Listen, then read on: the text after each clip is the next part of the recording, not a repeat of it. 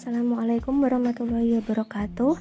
E, di sini saya mau menjelaskan bagaimana tata tertib penggunaan laboratorium biologi. Nah, untuk aturan yang pertama itu harus menggunakan alat pelindung diri. Alat pelindung dirinya berupa jas laboratorium, terus kemudian sarung tangan, menggunakan masker, kacamata laboratorium atau Google, dan penutup kepala. E, kemudian yang kedua, di atas meja hanya diperbolehkan meletakkan buku, alat tulis, dan bahan maupun alat yang mau digunakan saat praktikum. Untuk yang ketiga, e, ketika memegang alat sama bahan, e, diusahakan harus hati-hati.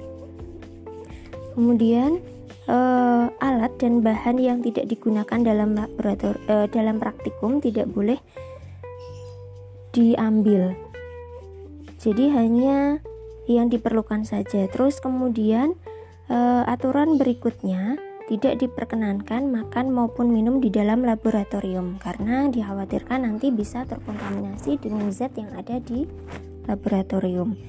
Kemudian untuk pengambilan zat ini tidak boleh berlebihan. Jadi harus sesuai dengan uh, yang ada di petunjuk praktikum. Karena sisa pengambilan zat nanti harus dibuang. Jadi tidak boleh dimasukkan kembali ke dalam botol asal. Karena apabila sudah terkontaminasi nanti bisa mengkontaminasi zat yang ada di dalam botol. Nah setelah selesai bekerja alat meja maupun ruangan harus dibersihkan. Kemudian untuk e, sampah yang dihasilkan ketika selesai praktikum harus dipisahkan antara yang padat dengan yang cair jadi untuk yang cair bisa dibuang langsung di bak saluran pembuangan air dengan catatan harus dinetralkan terlebih dahulu. Apabila e, sifatnya ini asam maupun basah harus diencerkan menggunakan air. Nah, baru boleh dibuang ke saluran.